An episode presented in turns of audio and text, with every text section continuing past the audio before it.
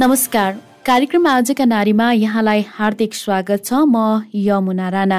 कार्यक्रम आजका नारी तपाईँले रेडियो क्यान्डिड बयानब्बे दशमलव सात मेगा हर्ज मार्फत काठमाडौँ र आसपासका जिल्लामा हाम्रो आधिकारिक फेसबुक पेज मार्फत र अनलाइनमा W W W dot radio candid dot com मार्फत सुन्न सक्नुहुन्छ। यो कार्यक्रम हरेक साताको सोमबार साँझ छत्तिसदेखि आधा घण्टा प्रसारण हुन्छ।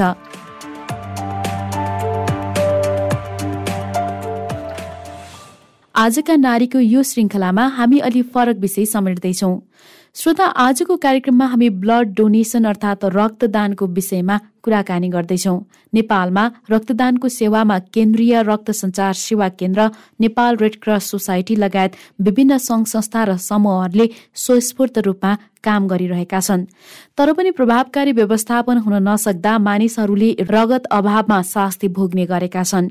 केन्द्रीय रक्त सञ्चार सेवा केन्द्रका निर्देशक दिव्यराज पौडेलका अनुसार सामान्य अवस्थामा दैनिक देशभर करिब बाह्र सय युनिट रगत आवश्यक पर्छ। आवश्यक पर्नेको करिब अस्सी प्रतिशत सङ्कलित रगतले धान्छ बाँकी बीस प्रतिशत भने बिरामीका आफन्तहरूले नै जोहो गर्ने गरेका छन्।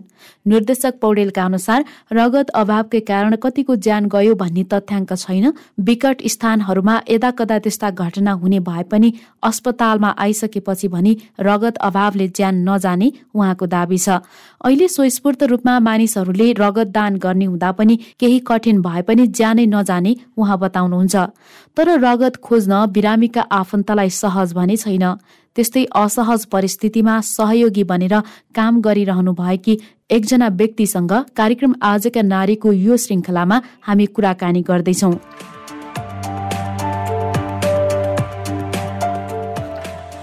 भनिन्छ नि रक्तदान भनेको जीवनदान हो। हो त्यही जीवनदानलाई आफ्नो काम बनाउनु भएको छ उहाँले। संसारमा यस्ता मान्छेहरू छन् जो अरूका लागि बाँच्छन्। उनीहरूले आफ्नो जीवनलाई अरूको सेवामा समर्पित गरेका हुन्छन्। स्वार्थी बन्दै गइरहेको हाम्रो समाजमा यस्ता कामले पक्कै पनि राम्रा काम गर्न प्रेरणा मिल्छ। र यस्ता व्यक्तिहरूका कारण समाजमा मानवीयताको जग उजाडिएको छैन भन्ने देखाउँछ। हामी आज यस्तै एकजना व्यक्तिसँग कुराकानी गर्दैछौँ। उहाँ हुनुहुन्छ श्वेता श्रेष्ठ। सबैभन्दा पहिले उहाँलाई कार्यक्रममा स्वागत गरौँ। स्वागत छ यहाँलाई कार्यक्रममा।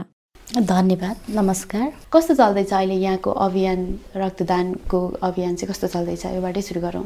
गत वर्षभन्दा राम्रो कलेक्सन छ।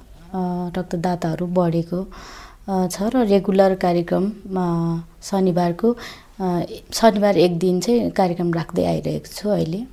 सातामा एक दिन चाहिँ रक्त रक्त रगत चाहिँ सङ्कलन गर्नुहुन्छ। हजुर। कहाँ कहाँ र कसरी गर्दै आउनु भएको छ? रेगुलर मध्येमा बौद्धको स्तुपा परिसरमा चाहिँ शनिबार राख्दै आइरहेको छु। सातामा कति रगत चाहिँ सङ्कलन हुन्छ? सातामा यस्तै भन्न सकिँदैन किनभने यो इच्छुक रक्तदाताहरूले दिने भएकोले बिस पच्चिसको हाराहारीमा चाहिँ रक्तदान भइरहेको छ एकपटकको कार्यक्रममा। अहिलेसम्म चाहिँ कति रगत चाहिँ यहाँको अभियानमा चाहिँ कति जति सङ्कलन भयो? अहिलेसम्ममा करिब पच्चिस सय युनिट रगत चाहिँ सङ्कलन भइसकेको छ। त्यो चाहिँ सेवाग्राहीहरूलाई चाहिँ कसरी वितरण गर्ने गर्नुभएको छ अथवा आफै खोज्दै आउनुहुन्छ कि यहाँको कामको बारेमा अलिकति प्रश्न पारिदिनुहोस् न? मैले कार्यक्रम अर्गनाइज गर्छु। त्यो रक्तदान कार्यक्रममा चाहिँ मैले प्राविधिक सहयोग चाहिँ रक्त सञ्चार सेवाबाट लिन्छु। जुन प्राविधिक चाहिँ आउनुहुन्छ उहाँहरूले नै लिएर जानुहुन्छ जस्तै रेड क्रस सबभन्दा बढीमा चाहिँ मैले अहिलेसम्म रेड क्रस केन्द्रीय रक्त सञ्चार सेवामा चाहिँ पठाएको छु भने कान्तिपुर र ग्रान्डी अन्तर्राष्ट्रिय अस्पताल तिनवटा रक्त सञ्चारहरूलाई चाहिँ रगत पठाएको छु। सातै पछि गर्दाखेरि त एकजना व्यक्तिलाई रगत दिनको लागि त केही समय कुर्नु पर्यो होइन? त्यसले गर्दाखेरि चाहिँ यहाँको अझै कसरी कसरी चाहिँ व्यक्तिहरू चाहिँ रगत दिनको लागि चाहिँ आउनुहुन्छ यहाँसम्म चाहिँ? यहाँको अभियानमा चाहिँ कसरी मान्छेहरू जोडिनुहुन्छ? धेरै जसो चाहिँ यो जुन मेरो फेसबुकको पोस्टहरूबाट चाहिँ रक्तदानको लागि म पनि आउँछु भनेर धेरैले म्यासेजहरू पठाएर आउनुहुन्छ। प्लानिङ गरेर चाहिँ आउनुभएको टिमहरूबाट चाहिँ बाहिर भन् साथीहरूबाट चाहिँ जुन पोस्टहरू अघि मैले भनिसकेको छु मेरो पोस्टहरू हेरेर आउनुहुन्छ भने केही जुन मैले सहजीकरण गरिदिएको बिरामीको आफन्तहरूले पनि खोजेर आउनुहुन्छ र सँगसँगै रक्तदान मार्फत सेवा गर्न इच्छुक व्यक्तिहरू चाहिँ खोजेर पनि आउनु भएको छ। किनभने एक्लैले राखेको कार्यक्रम हामी पनि केही सहयोग गरौँ रक्तदान दिएरै भए पनि सपोर्ट गरौँ भनेर आउनुहुन्छ।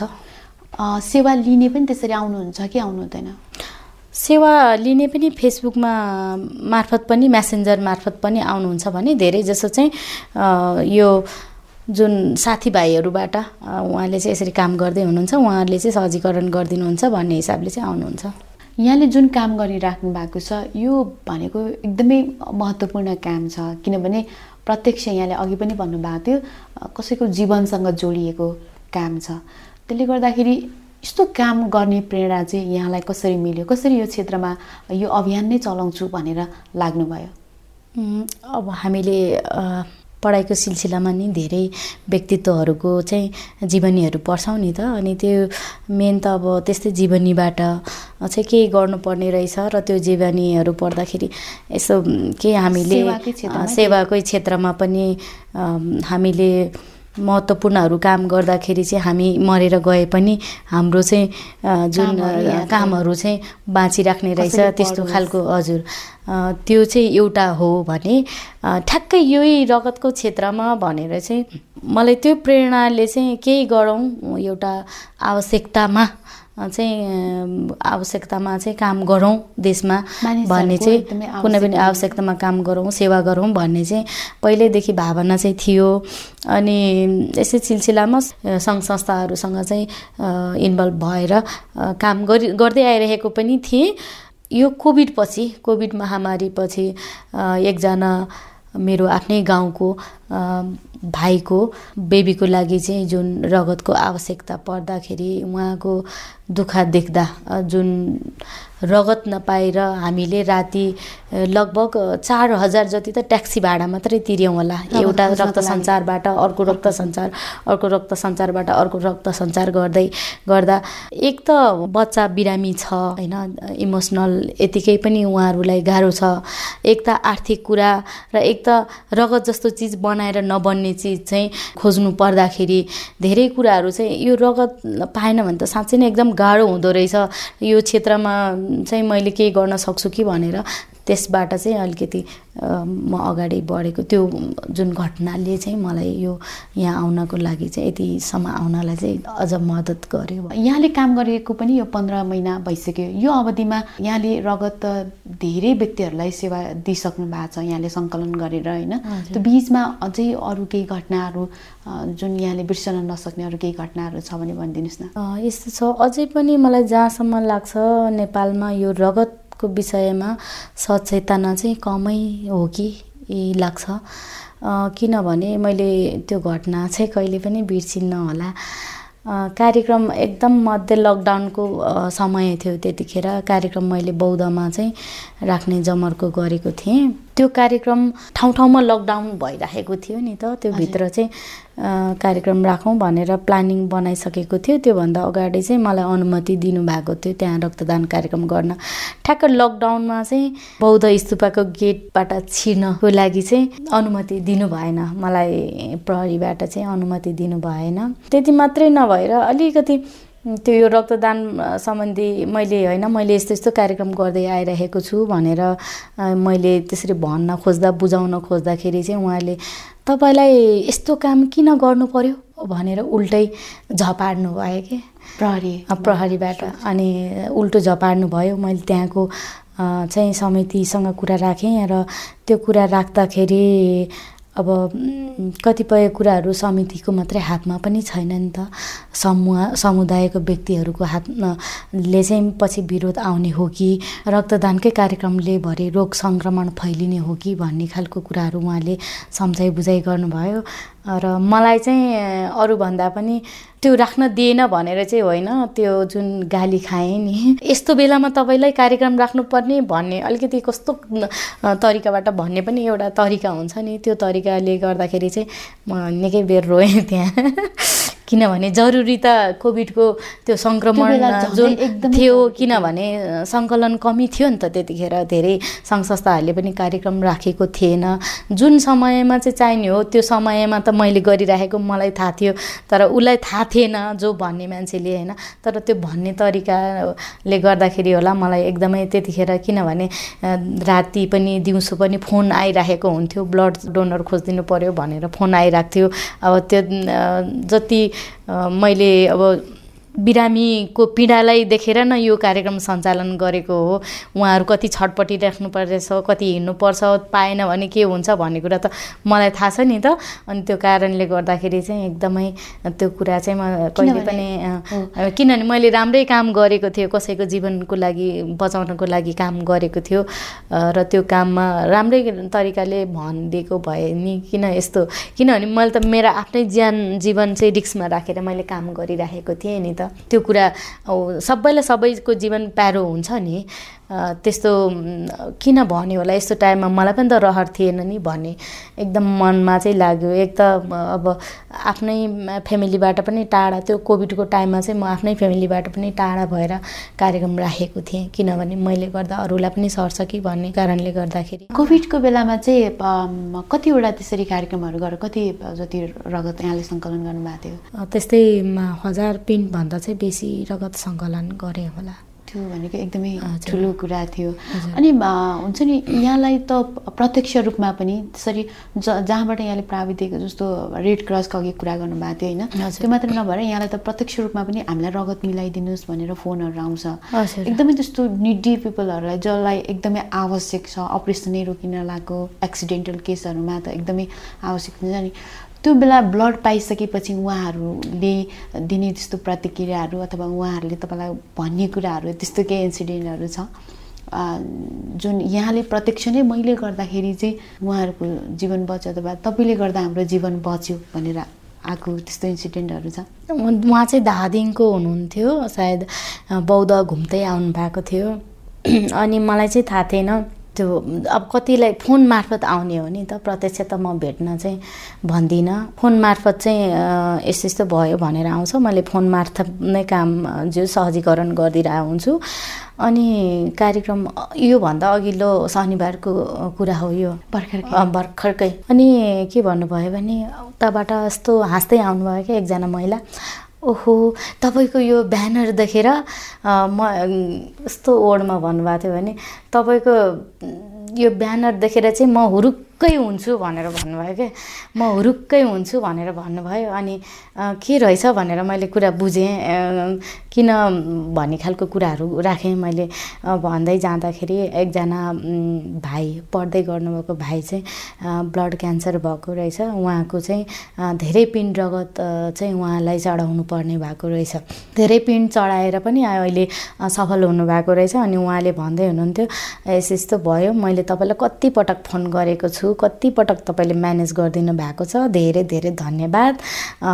भनेर रक्तदान दिनको लागि पनि एकदमै मैले कतिपटक रक्तदान दिन खोजेको भनेर बस्नुभयो। अनि त्यसपछि उहाँको चाहिँ प्रेसर लो रहेछ। पहिला पनि त्यही भएर दिन नपाउनु भएको रहेछ।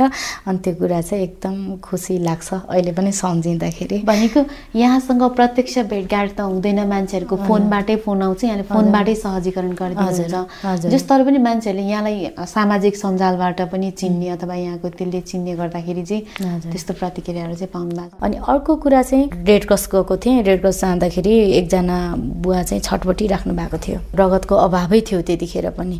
छटपट्टि राख्नु भएको थियो। उहाँले मैले चाहिँ सोचेँ पक्कै रगत पाउनु भएन। पक्कै यो बुवाले रगत पाउनु भएन।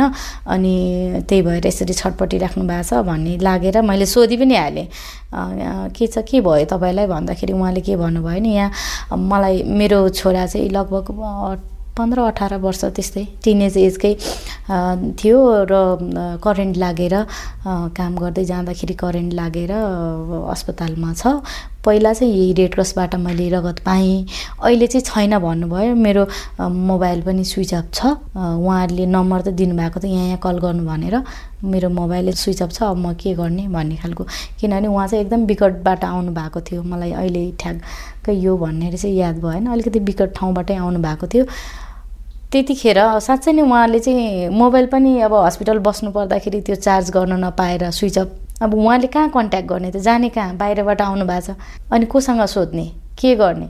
त्यस्तै अवस्थामा एकदम अल्तलिरहेको अवस्थामा मैले पाएँ। त्यतिखेर चाहिँ मैले सहजीकरण गरेँ। यहाँ रेड क्रस मात्रै होइन अरू अरूमा पनि रगत पाइन्छ। तपाईँलाई चाहिँ यस यस्तो ठाउँमा चाहिँ जान सक्नुहुन्छ भने अनि उहाँले उहाँलाई त अब ट्याक्सीमा जानुपर्ने हुन्छ। लोकल भेहिकलबाट त गाह्रै छ नि। पत्ता लगाउनलाई अर्को लोकेसनहरू गाह्रो छ नि त गाउँबाट आउने। अनि फेरि मैले के सहजीकरण गर्थेँ मेरो आफ्नै प मोबाइलबाट पठाउ बुक गर्थेँ अनि उहाँहरूलाई ल यहाँ यसरी पाएँ अनि जुन रक्त सञ्चारमा मैले औस त्यो जुन रगतहरू पनि पठाइन्थेँ उहाँलाई पनि फोन गरेँ ल यसरी सहजीकरण गरिदिनु सक्दो चाहिँ यहाँ पाएन भने पनि भन्ने खालको कुरा राखेर त्यहाँ फोन गरेँ। त्यहाँ फोन गरिसकेपछि चाहिँ अब उहाँले पाउनु भयो अनि मैले पछि फोन गरेँ उहाँलाई। के पाउनु भयो त? भनेर। अँ पहिला कस्तो लागेको थियो भने त। अनि काठमाडौँमा त फटा मान्छेहरू पनि हुन्छन् भन्ने सुनेको थियो। न मलाई अब त्यस्तै फसाउनको लागि हो कि भन्ने फिल भएको थियो। साँच्चै नै तपाईँले चाहिँ मलाई हेल्प गर्नलाई यस्तो गर्नुभएको रहेछ। ट्याक्सीमै जानु परेको भए पनि मलाई कति खर्च हुन्थ्यो तपाईँले एउटा सहजीकरण गरिदिनु भयो धन्यवाद। भन्ने खालको कुराहरू चाहिँ राख्नु त्यो केस पनि हजुर। भनेपछि यस्तो खालको इन्सिडेन्टहरू त यहाँ पक्कै पनि थुप्रै नै भइसक्यो यहाँले अघि एउटा इन्सिडेन्ट पनि सुनाउनु भएको थियो। ब्लड डोनेसनको क्याम्प गर्न जाँदाखेरि चाहिँ सुरक्षाकर्मीले यहाँलाई अभद्र व्यवहार जस दुर्व्यवहार जस्तै भनौँ न होइन अभद्र व्यवहार गर्नुभयो भनेर। त्यो भनेको तपाईँले के काम गर्दै हुनुहुन्छ भन्ने कुरा नबुझेरै हो अज्ञानताकै कारण हो भन्ने म बुझ्छु होइन। त्यो कारणले गर्दाखेरि ब्लड डोनेसनलाई जसले अलि लाइटली लिनुहुन्छ अथवा ब्लड डोनेसनको बारेमा अलिक बुझ्नु भएको छैन यसको महत्त्वको बारेमा त्यस्तो व्यक्तिहरूलाई के भन्नुहुन्छ? यो रगत भन्ने कुरा चाहिँ कुन बेला कतिखेर कसलाई चाहिन्छ भन्नै सकिँदैन। है कतिखेर कसको एक्सिडेन्ट हुन्छ भनेर त कसलाई के थाहा हुन्छ? त्यो कारणले गर्दाखेरि रगत जसलाई पनि चाहिन सक्छ। जस्तै हरेक प्रसुति भएको टाइममा चाहिँ डक्टरले रगतको चाहिँ प्रेसक्रिप्सन गरेको हुन्छ। है त्यतिखेर पनि रगत चाहिन्छ। त्यो कारणले गर्दाखेरि हरेकलाई चाहिँ यो रगत जतिखेर पनि चाहिन सक्छ र यो रगतको चाहिँ विकल्प नहुने भएकोले यो रक्तदान चाहिँ एकदमै महत्त्वपूर्ण छ। र विश्व स्वास्थ्य सङ्गठन अनुसार पनि रगत यो जनसङ्ख्याको चाहिँ कुल एक पर्सेन्टले चाहिँ रक्तदान दियो भने मात्रै सहज हुन्छ सहज रूपमा चाहिँ रगत पाउँछ भन्ने एउटा तथ्याङ्क छ। र त्यो तथ्याङ्क अनुसारमा चाहिँ नेपालमा एकदमै कमी नै छ। है। अनि सबै हामी नै हौँ नि त यहाँ हाम समुदायमा हामी नै छौँ। सो कारणले सबैजना हामीले नै रगत दिनु नै चाहिँ आवश्यक छ। अनि अर्को कुरा चाहिँ यो रगतको क्षेत्र एकदमै महत्त्वपूर्ण क्षेत्र हो। एकदमै सेन्सिटिभ क्षेत्र हो। त्यसमा चाहिँ अझै पनि राम्रो यसको म्यानेजमेन्ट यसको शिक्षा यसको चाहिँ मा चाहिँ अझै बढी राम्रो होस्। यो रक्तदान कार्यक्रमले मात्रै सम्भव छैन। एउटा चाहिँ संस्कारको पनि जरुरी छ। मैले अब जस्तै मैले दिन सकिनँ म भन्दा अरूको हुनुहुन्छ फ्यामिली। उहाँलाई पनि एउटा रक्तदान चाहिँ गर्नुपर्छ भन्ने खालको चाहिँ एउटा शिक्षा दिन सक्ने र हाम्रो पाठ्य पुस्तकहरूमा पनि एउटा रक्तदानको विषयलाई चाहिँ राख्नुपर्छ कि। अनि त्यसै गरेर यो रक्तदानको चाहिँ खाद्य वस्तुहरूको चाहिँ के भइरहेछ कसो भइरहेछ भनेर एउटा गुणस्तरहरूदेखि लिएर हरेक कुराहरूको चाहिँ अनुगमन एउटा हेर्ने निकाय हुन्छ। र रगतको पनि त्यसको चाहिँ अझै राम्रो प्रभावकारी होस् पुगिरहेछै छैन कतिले। अब जस्तै त यो रगतको विषयमा चाहिँ दुःख पायो भनेर चाहिँ यो मिडियाहरूमा नि आएको म कम देख्छु। किन दुःख त धेरैले पाएको छ। जहाँसम्म लाग्छ मलाई यो सहजीकरणको फोन आउने त दुःखै भएर त होला। नपाएर नै आउनु भएको छ होला। तर मसम्म आइपुग्दा उहाँहरूले कति सङ्घर्ष दिनु पा भएको छ भन्ने कुरा त भोग्ने मान्छेले थाहा छ। यस्तो छ। अनि त्यो भएको कारणले कति दुःख भइरहेछ भन्ने कुरा चाहिँ अगाडि आएको छैन नि त। किनभने कति दुःख पीडाहरू त समूहगत कुराहरूमा बस्ने भएको भएर सेयरिङ हुन्छ। यो कुराहरू चाहिँ लुकेको छ क्या पीडा। यो त्यो कारणले गर्दाखेरि यो उसमा पनि के भइरहेछ? साँच्चै नै मान्छेहरूले कति सहज छ छैन। यो कुरा चाहिँ हेर्न जरुरी छ र के भइरहेछ त रगतको क्षेत्रमा? कति पुगेको छैन? कति युनिट पुगेको छैन?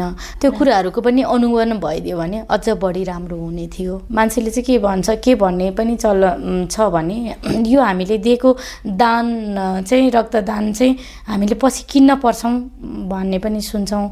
त्यति मात्रै नभएर मैले यतिमा रगत किनेँ नि यति पर्दो रहेछ रगत भन्ने कुराहरू चाहिँ सुन्छौँ तर त्यो रगतको मूल्य होइन। जति पनि इन्भेस्टिगेसनहरू गर्नुपर्छ जस्तै सरुवा रोगहरू यतिकै मैले दान दिएँ मेरो रगत यतिकै लगेर बिरामीलाई दिन मिल्दैन। त्यसलाई चाहिँ इन्भेस्टिगेसन गर्नुपर्ने हुन्छ। रोग सरु रगत जन रगतबाट सर्ने रोगहरू चाहिँ केही रोगहरूको चाहिँ इन्भेस्टिगेसन गर्नुपर्ने हुन्छ। त्यो गरे बापत चाहिँ केही खर्चहरू लाग्छ। त्योभन्दा पनि एकदम थोरै मूल्यमा जति खर्च लाग्ने हो त्योभन्दा नि थोरै मूल्यमा चाहिँ रगतहरू चाहिँ पाइन्छ। यदि यहाँकै क्याम्पमा चाहिँ रक्तदान गर्न आउनु पर्यो भने चाहिँ कसरी आउने त्यो बारेमा पनि अलिकति जानकारी दिनुहोस् न। मैले मेरो धेरै जस्तो चाहिँ मेरो आफ्नो फेसबुकबाट पोस्ट गरिरहेको हुन्छु। मैले कहाँ गर्छु कति बजे गर्छु भन्ने कुरा। र मैले यो रक्तदानको लागि हरेक रक्तदान कार्यक्रममा चाहिँ जुन पोस्ट गर्नुपर्दा मेरो आफ्नो नम्बर पनि जहिले पोस्ट गरेको हुन्छु। त्यसमा चाहिँ मेरो अन्ठानब्बे त्रिचालिस तिन नौ पाँच चार पाँच जिरो। अन्ठानब्बे त्रिचालिस तिन नौ पाँच चार पाँच जिरोमा चाहिँ फोन गरेर बुझ्न सक्नुहुन्छ। कहिलेकाहीँ कहिलेकाहीँ बाहेक नत्र भने मेरो रेगुलर कार्यक्रममा बौद्धमा चाहिँ रेगुलर कार्यक्रम हुन्छ। र अन्त्यमा के भन्नुहुन्छ? विकल्प नभएको यो रक्त तत्त्वको लागि जुन बिरामीहरूलाई चाहिँ यो अभावबाट बस्न जति पनि यसो सोचौँ हामी साँच्चै नै मलाई नै पऱ्यो भने यदि पाएन भने कस्तो होला? है म मर्दैछु होइन? मलाई साँच्चै नै रगत आज नपाएर अभावमा म जे जीवन चाहिँ मैले अब त्याग्दैछु भन्दाखेरि कस्तो होला? अझ त्यो सबैजनाले म भन्दा पनि मैले एकदमै माया गर्ने माया गर्ने मेरो परिवारको व्यक्तिलाई हजुर। रगत आवश्यक पर्यो भने कस्तो होला? कस्तो होला? त्यो सम्झौँ होइन सोचौँ सबैजनाले र त्यो सोचेर पनि हामीले रगत दान सक्छौँ। र अर्को कुरा यो जुन रक्तदानले एक व्यक्ति नभएर एउटा ठुलो फ्यामिलीलाई चाहिँ ऊ जति पनि रग रगत चाहिने बिरामी रगत ट्रान्सफ्युजन भएर बाँचेको बिरामीहरू त हेर्नु त कति धेरैजना फ्यामिलीलाई चाहिँ उहाँ एउटा खुसी दिन पनि सक्छौँ। है। अनि भोलि हामीलाई पर्दा त्यो खुसी अरूले दिन्छ। त्यो भएको कारणले समय समयमा रक्तदान गरौँ। श्रोता आजको कार्यक्रममा हामीले रगत सङ्कलनमा सहजीकरण गरेर जीवनदानको अभियानमै लाग्नु भएकी श्वेता श्रेष्ठसँग हामीले उहाँको काम र अनुभवको बारेमा कुराकानी गर्यौं। उहाँले यो अभियान चलाएको धेरै भने भएको छैन। कोभिडकै समयमा लकडाउनका कारण रगत संकलनमा कमी आउँदा समस्या भएको थाहा पाएपछि रगत संकलन गरेर अभियानमै लाग्नुभएको उहाँलाई अहिले कहिलेकाहीँ भने रेड क्रसबाट समेत फोन आउने गर्छ। सबै स्थानमा रगत अभाव हुँदा पनि उहाँले आफ्ना नियमित रक्तदाताहरू मार्फत सहजीकरण गर्ने सुनाउनुभयो।